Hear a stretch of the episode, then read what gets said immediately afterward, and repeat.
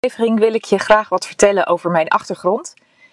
Omdat het, nou misschien omdat je me al een tijdje volgt, of misschien omdat je overweegt om met mij samen te gaan werken. En in deze aflevering leer je dan precies wat voor vlees je in de kuip hebt. Tenminste, dat is de bedoeling. Um, mijn achtergrond. Het dreigt natuurlijk een beetje een verhaal te worden van en toen en toen en toen.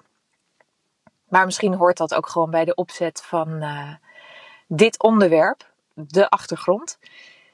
Want hoe is het allemaal gekomen dat ik terecht of uit ben gekomen op het punt waar ik nu sta? Namelijk dat ik ondernemers en leiders begeleid bij hun online zichtbaarheid. Nou, het delen van inspirerende verhalen, het opbouwen van een mooie positie. Um, dat lag niet helemaal in de lijn der verwachting.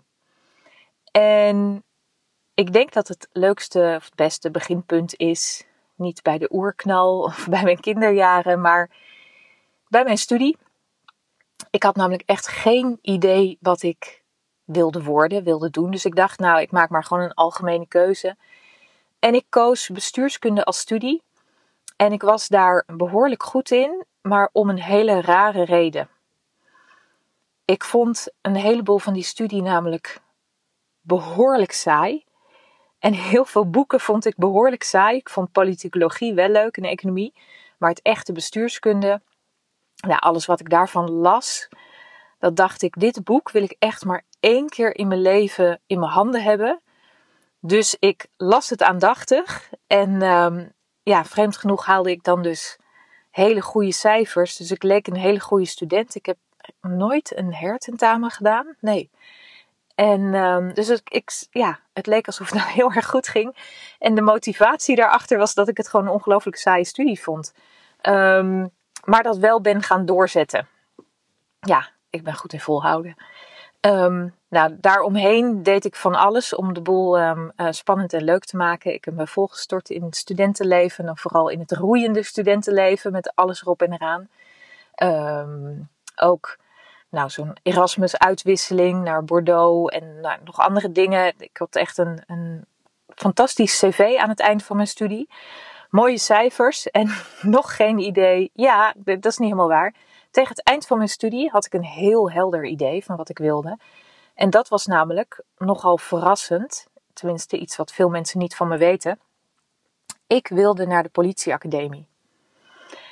Ik um, had ja, ik vond om een of andere manier, een of andere reden, de politie een hele mooie organisatie, omdat het zo'n sluitpost is in de samenleving. Als er ergens een evenement is, of als er ergens een verkeersongeluk is, of als er ergens een diefstal is, of um, een, een brand, iemand in nood, maar ook dus grote, ja, grote evenementen, dan speelt de politie daar altijd een cruciale rol in. En ik vond dat dus heel erg in het midden van de wereld staan. En voor mij vertegenwoordigde dat heel erg actie en spanning. En um, um, als ik dat vergeleek met bestuurskunde, van een bestuurskundige had ik het beeld, ja, die zit ergens in een groot gebouw, in een kamertje achteraf beleidsnotities te maken, die geen hond leest. En, en leiding geven bij de politie, want dat was wat ik wilde, dat leek me echt het, het tegenovergestelde, namelijk spannend, vol in de wereld vol dynamiek. En um, ja, daar had ik mijn zin op gezet. En als je dat wil, een leidinggevende uh, positie bij de politie, dan moet je dus naar die politieacademie. En daar is een hele selectie voor. Er waren heel veel aanmeldingen. En, um, maar een zeer beperkt aantal plekken. Nou, wat ik er nog bij moet vertellen, ik heb ook een stage gedaan in die tijd bij, de, bij het korps van Utrecht. En dan mocht ik af en toe mee op patrouille. Heet dat patrouille? Volgens mij wel. En dan kwam ik op plekken terecht die ik echt nog nooit in mijn leven had gezien. Ik kwam bij mensen thuis die, uh, nou, die maar ter nauwe nood overeind bleven. In deze toch wel veel eisende wereld. Um, en ook bijvoorbeeld um, ja, langs de straat, heroïne, hoertjes, noem je dat? Een stomme naam, hoertjes. Maar het zijn ook gewoon echte mensen. Maar dan wel zieke mensen, graadmager, um, nou, die er zo uitzien dat je denkt, uh, je zou in bed moeten liggen met een warme kruik en goede verzorging. En dat zijn dan uh, ja, de meiden die s'avonds langs de weg staan en opgepikt worden.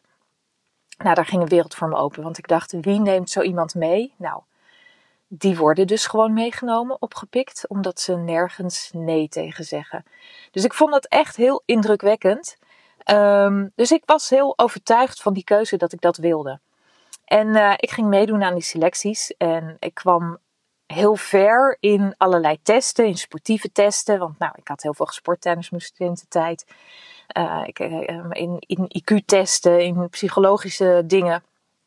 Um, dus ik kwam, nou, ik, ik kwam tot aan de laatste ronde. En die laatste ronde was een gesprek. We waren nog maar met een, met een klein groepje over.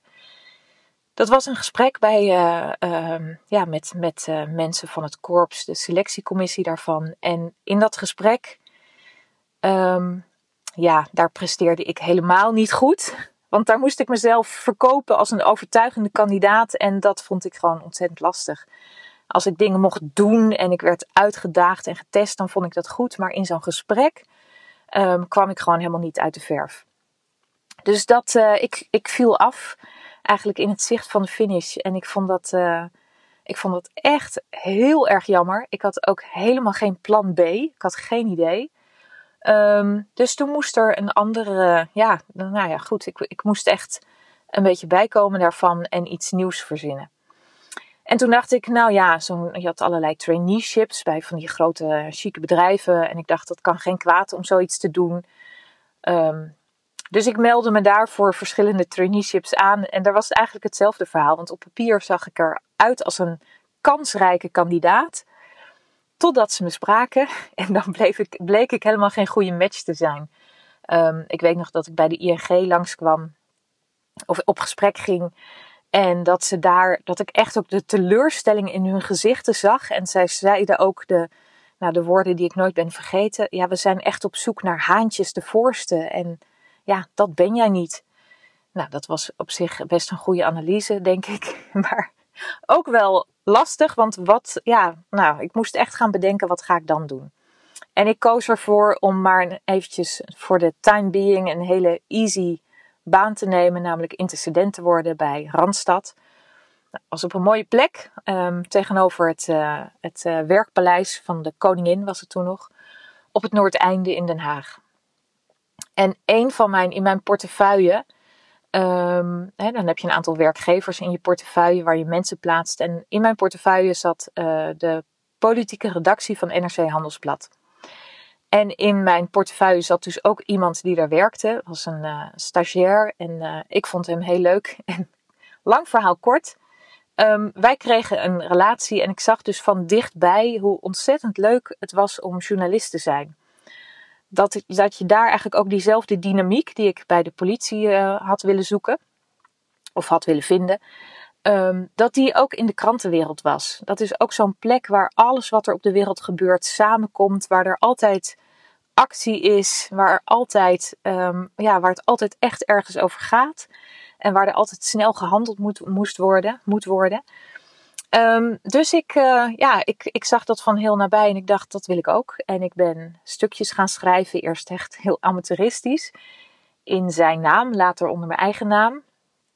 Uh, voor het economiekatern. Maar al snel dacht ik, nee, als ik hier echt iets in wil, dan moet ik een goede, ja, dan moet ik de goede springplank hebben hiervoor. En ik schreef me in voor de postdoctorale opleiding journalistiek. Dat is in Rotterdam van de Erasmus Universiteit en georganiseerd door allemaal grote dagbladen. Nou, moest ik ook een selectie voor doen, maar daar kwam ik wel doorheen. Wonder boven wonder. En ik zat in een heel ambitieus klasje. Dat zijn, um, als ik terugkijk naar dat klasje, dan is één daarvan nu hoofdredacteur van de Volkskrant. Eentje is hoofdredacteur van NRC. Ehm, de beroemde tv-recensent uh, Angela de Jong zat in mijn klasje. En het was echt een ambitieus uh, zootje bij elkaar. Met grote meningen, snelle meningen. En ik vond dat ontzettend leuk en ook wel moeilijk hoor, om me daarin staande te houden. Vond ik niet helemaal, uh, helemaal makkelijk. Um, om ook van die snelle meningen en grote meningen te zijn. Maar ik vond het wel ontzettend leuk. En via, uh, nou, via die springplank kwam ik terecht als stagiair bij de economieredactie van het AD. En dat was niet helemaal mijn krant per se, maar wel een ontzettend leuke plek om te werken. Ik mocht bijvoorbeeld als stagiair ehm, in mijn eentje naar Denemarken om verslag te doen van het referendum over de euro. Ehm, en ook in mijn stagetijd was er um, nou, aan het eind van een, van een middag. ik was eigenlijk bijna van plan om naar huis toe te gaan. En toen kwam het bericht binnen dat de Concorde, dus dat snelle vliegtuig wat van Parijs naar New York, volgens mij, naar Amerika vloog, dat die twee minuten na opstijgen was gecrashed. En er waren geen overlevenden. En nou, daar moesten natuurlijk mensen eh, van de krant heen. Dus ik ben met een paar collega's in de auto gesprongen met alleen portemonnee en telefoon mee. En uh, nou, daar een paar dagen gebleven. Want het was natuurlijk een hele tragische gebeurtenis. Um, niemand kwam daar levend uit. Maar het was ook, ook echt spannend om te doen. En ja, dat ik als eigenlijk als hele jong gediende um, dat soort kansen kreeg. Dus ik heb daar met heel veel, ja, ik vond het echt heel leuk om daar te werken. Om zo um, journalist te zijn en overal naartoe te mogen.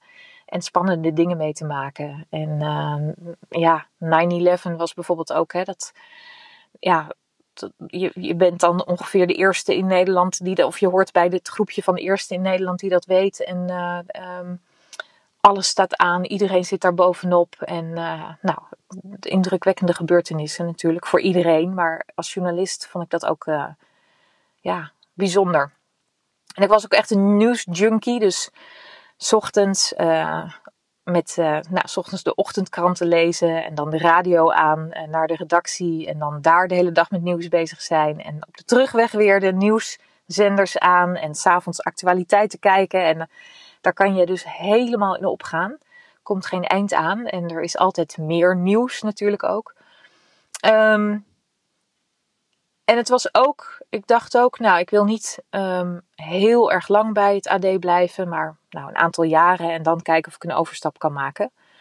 Maar ja, dat heb ik er niet bij gezegd aan het begin van deze podcast. Privéleven en werk lopen in, dit, uh, in deze aflevering dwars door elkaar heen. Want privéleven en, uh, en werk, de beslissingen die ik daarin nam, die uh, liepen heel erg door elkaar heen. Want wat er gebeurde, ik was 31 en uh, ik was toe aan. nou, ik, ik dacht dat we toe waren aan kinderen krijgen. En eigenlijk van de een op de andere dag glipte mijn relatie uit mijn handen. En had ik het gevoel alsof je een soort ganzenbordspel speelt en je echt terug bij af bent. Terwijl ik juist toe was aan een ja, bijzondere, nieuwe, mooie stap. Om mij heen had ik ook alleen maar mensen die uh, trouwden met hun studentenliefde. En baby's werden er links en rechts geboren. En ik, ik, was echt, ik voelde me echt terug bij af. En ik vond het ongelooflijk pijnlijk en moeilijk. Um, en ik heb toen eigenlijk in heel korte tijd mijn leven nogal radicaal omgegooid. Als, ja, als manier om daarmee om te gaan. Um, ik heb me in een nieuwe liefde gestort. En dat klinkt heel onverantwoord, maar dat is wel de vader van mijn drie kinderen, waar ik nu nog steeds mee samen ben. Maar daar heb ik me echt hals over kop ingestort. Um, ik heb mijn huis verkocht en hij heeft ook zijn huis verkocht. Ik heb mijn baan opgezegd en hij heeft ook zijn baan opgezegd. En we zijn op wereldreis gegaan. En tot overmaat van ramp, of juist als kers op de taart, was ik ook nog zwanger voordat we weggingen. Dus in een hele korte tijd had ik ineens een heel ander leven. Namelijk, ik was een nomade, zonder vaste plek, zonder baan. Um, met wel een, uh, een, gevulde bankrekening, want ik had mijn huis goed verkocht. Um, en helemaal vrij en nou, moeder in wording. We hebben een jaar over de wereld getrokken en ons oudste kind is in Nieuw-Zeeland geboren. En ik zou kunnen zeggen van dat was een jaar waarin ik me ging bezinnen op de toekomst. Nou, dat heb ik helemaal niet gedaan. Het was gewoon een jaar om, om te zijn en um, ja, helemaal vrij te zijn. En elke dag te bedenken, gaan we verder? Blijven we hier? Het was natuurlijk wel een beetje een bijzondere reis, omdat we zwanger, of, we, ik, ik weet niet, ja, ik, we, um, zwanger weggingen. Dus dat betekende wel geregel met verzekering en geregel met uh, controles. En hoe doe je dat met een verloskundige en zo. Maar nou, dat kwam allemaal goed. Uh, bleek dat je op andere plekken dan in Nederland ook gewoon kinderen kan krijgen. En natuurlijk, omdat het een gezonde baby was, um, ging dat ook goed. Ik had er overigens echt totaal geen verstand van, van baby's. Um, maar ja, het ja, kwam goed. De natuur doet dan ook zijn werk. En uh, daar blijken allerlei onverwachte kwaliteiten dan ineens naar boven te komen. Um, en na dat jaar, uh, we zijn echt een, ja, precies een jaar weg geweest. En toen wilde ik wel weer naar huis. Maar ik wilde ook niet helemaal naar huis. En um, um, Mark, die kon een uh, baan krijgen in de City in Londen. En toen zijn we dus na wereldreis in Londen beland. En um, daar heb ik het, het journalistieke weer opgepakt, maar dan als freelancer. Um, ik ben stukken gaan schrijven, dat was ook ja, voor NRC en voor NRC Next en voor het magazine daarvan. En ik schreef zelf en ik volgens mij was dat toen ook al of ietsje later, weet ik niet meer precies. Um, ben ik ook stukken gaan uh, coördineren. Een magazine bijvoorbeeld van NRC Next gaan coördineren. En dan regelde ik dat alle stukken geschreven werden door freelancers. En dat ze op tijd en goed geredigeerd werden aangeleverd met uh, op de goede lengtes en alles erop en eraan. Um, en ja, dat ben ik, uh, heb ik best wel een tijdje gedaan. Maar de tarieven van freelancers, die zijn best wel dramatisch. En die, gingen, die werden er ook echt niet in de loop van der tijd beter op. Dat werd, ging alleen maar naar beneden. Dus ik uh, ben er ook commerciële klussen bij gaan doen. En dat betekende ja, bijvoorbeeld relatiemagazines maken en um, online producties. En nou, ik, ik, kwam toen in dienst uh, ook van een redactiebureau die allemaal van dat soort relatiecommunicatie maakte. En uh, nou, leuk om te doen. Maar ik had er ook wel een beetje moeite mee. Want als ik zelf zo'n relatiemagazine krijg, als dat bij mij in de brievenbus ligt, valt, dan vind ik dat eigenlijk alleen maar ja, papierverspilling. Weet je wel, ik blader het misschien een halve minuut door. Als het al veel is en uh, als ik er al naar kijk. En meestal gaat het gewoon linea recta de papierbak in. Dus ik vond, wat, ja, ik kon daar heel moeilijk achter staan dat we zoveel papier en inkt en en um, logistieke, hoe zeg je dat, vervoerskosten maakte. Dus ik had heel erg wel ja, sympathie voor online communicatie. Dat, dat zat ik wel ja, gewoon door de hele verspilling, omdat ik dacht van dat kan anders. We hoeven niet al die bomen om te zagen, om te communiceren. En um, ik dacht, het is tijd om het roer om te gooien. Um, inmiddels trouwens had ik toen drie kinderen. En nou goed, dat vereist natuurlijk ook de nodige aandacht. Dus uh, het werk was ook een beetje rommelig in die tijd. Maar ik was um, naast mijn werk ook vrijwilliger geweest bij een kinderopvangorganisatie die in de, ja, die, die in de problemen waren gekomen omdat het verhaal rondging dat er misbruik was daar of had plaatsgevonden. En um, ik kwam in een soort crisisbestuur terecht. Dus wij moesten die organisatie door die crisis heen uh, laveren. En daar zit dus heel veel uh, ja, reputatiemanagement zit daarbij. En crisiscommunicatie. En dat vond ik, ik dacht dat is wel een hele mooie verdieping van die communicatie. Om, dat, ja, om het daarin te gaan, uh, op te gaan richten. Dus dat was het plan. En ik begon echt als ondernemer. Dus niet meer als freelancer, maar als ondernemer. En ik noemde mijn bedrijf Yellow Canary. En ik ben me toen helemaal in reputaties gaan verdiepen. En ik ben bijvoorbeeld mensen in Nederland die een hele grote reputatieval hadden meegemaakt, ben ik gaan interviewen. Bijvoorbeeld een wetenschapper, omdat hij plagiaat had gepleegd. Een hele succesvolle wetenschapper die een keiharde val maakte, omdat hij, uh, ja, omdat hij dus niet hij had dingen. Nou, hij was niet zuiver geweest over hoe hij aan al zijn informatie kwam. Um, en ook bijvoorbeeld de, organisatie, de organisator, de initiator van Alp du 6, die dat helemaal belangeloos deed. En op een gegeven moment ging het verhaal dat er toch, dat zij zich daar zelf toch aan hadden verrijkt. En um, um, ik heb die mensen allemaal geïnterviewd. Ik heb ook veel gelezen. Ik heb ook uitgebreid bijvoorbeeld Monica Lewinsky um, bestudeerd. En ik vond het een super interessant geval, omdat zij de eerste persoon in de wereld is die van totaal onbekend in één dag naar wereldberoemd, maar dan met een, met een ja, hele slechte reputatie. Uh, zij, zij, is zo door het slijk gehaald. En dat, dus je wordt in, in één dag word je beroemd, maar dan zeg maar op de totaal negatieve manier. Uh, en zij was natuurlijk heel jong toen. En ik heb ook gezien dat dat Het, je kan, nou, we zeggen natuurlijk allemaal wel eens van het maakt me niet zoveel uit wat anderen van je denken. Maar als je echt je reputatie verliest, als iedereen je ziet als een niet integer um, mens, dat drijft mensen echt totaal in de hoek. En dat is een totaal, ja, je identiteit wordt echt compleet onderuit gehaald. Nou, ik vond dat, ja, vond dat super boeiend. En um, ik dacht, ik ga dan bedrijven helpen om hun reputatie goed te houden. En ik gebruik daar ook journalistiek bij. Dus ik, um, ik ben dan een soort journalist die in het bedrijf komt en die op zoek gaat naar de risico's. En die risico's, daar, ik had dan een krant, die heette dan uh, Yellow Canary Times.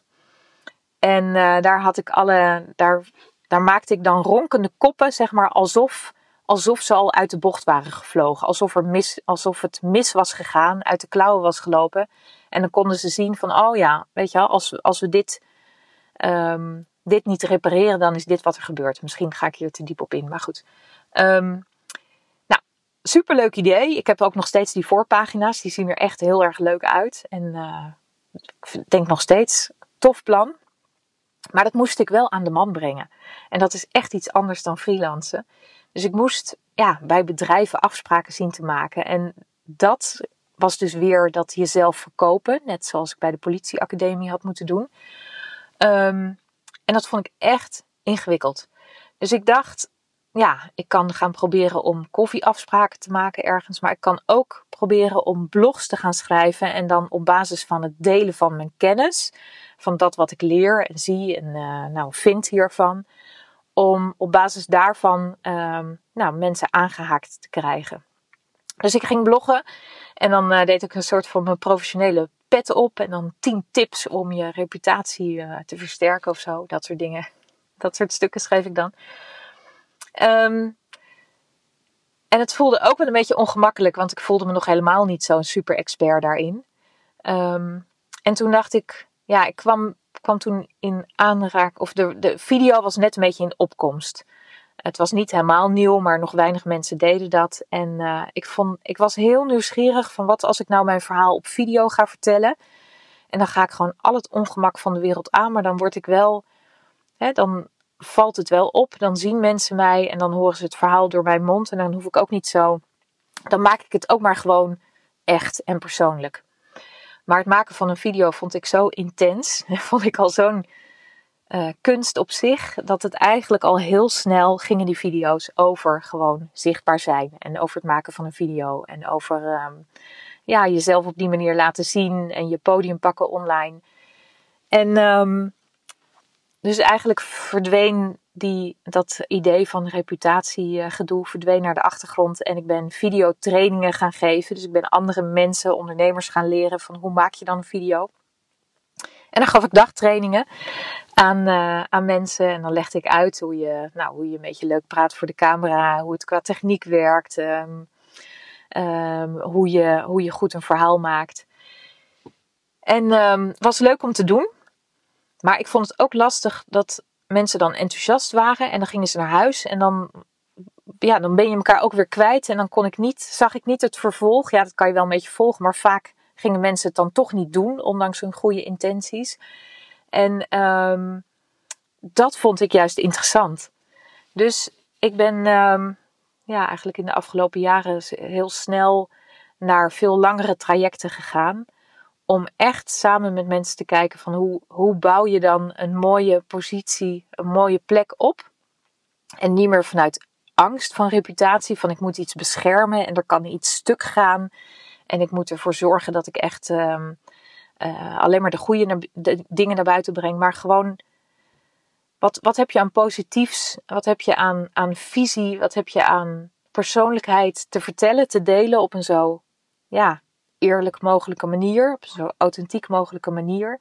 En hoe bouw je van daaruit een mooie positie op? Dus eh, er is ook heel veel marketing bij gekomen. En dat heb ik ook weer een beetje meer losgelaten, omdat ik echt heel erg geloof in als jij een, een duidelijke visie hebt en een helder verhaal en je kan dat goed vertellen, dan ben je niet, dan ben je eigenlijk niet zo afhankelijk van allerlei marketing, want dan ga je doen zoals anderen het ook doen, maar toch meer, hè, wat is dan echt jouw manier en jouw verhaal om dat te doen. Dus ja, daar komt het journalistieke samen. Ook wel dus die achtergrond van uh, zeg maar mijn jaren in de reputatie, mijn duik in de reputatiekunde. Um, marketing komt daar natuurlijk ook bij kijken. Het, uh, het videodeel, alhoewel niet al mijn klanten maken alles in video. Er zijn er ook, ook een aantal, of er is ook een aantal dat het vooral via verhalen doet. Maar ja, dus het was, er was niks. er was geen uitgestippelde route.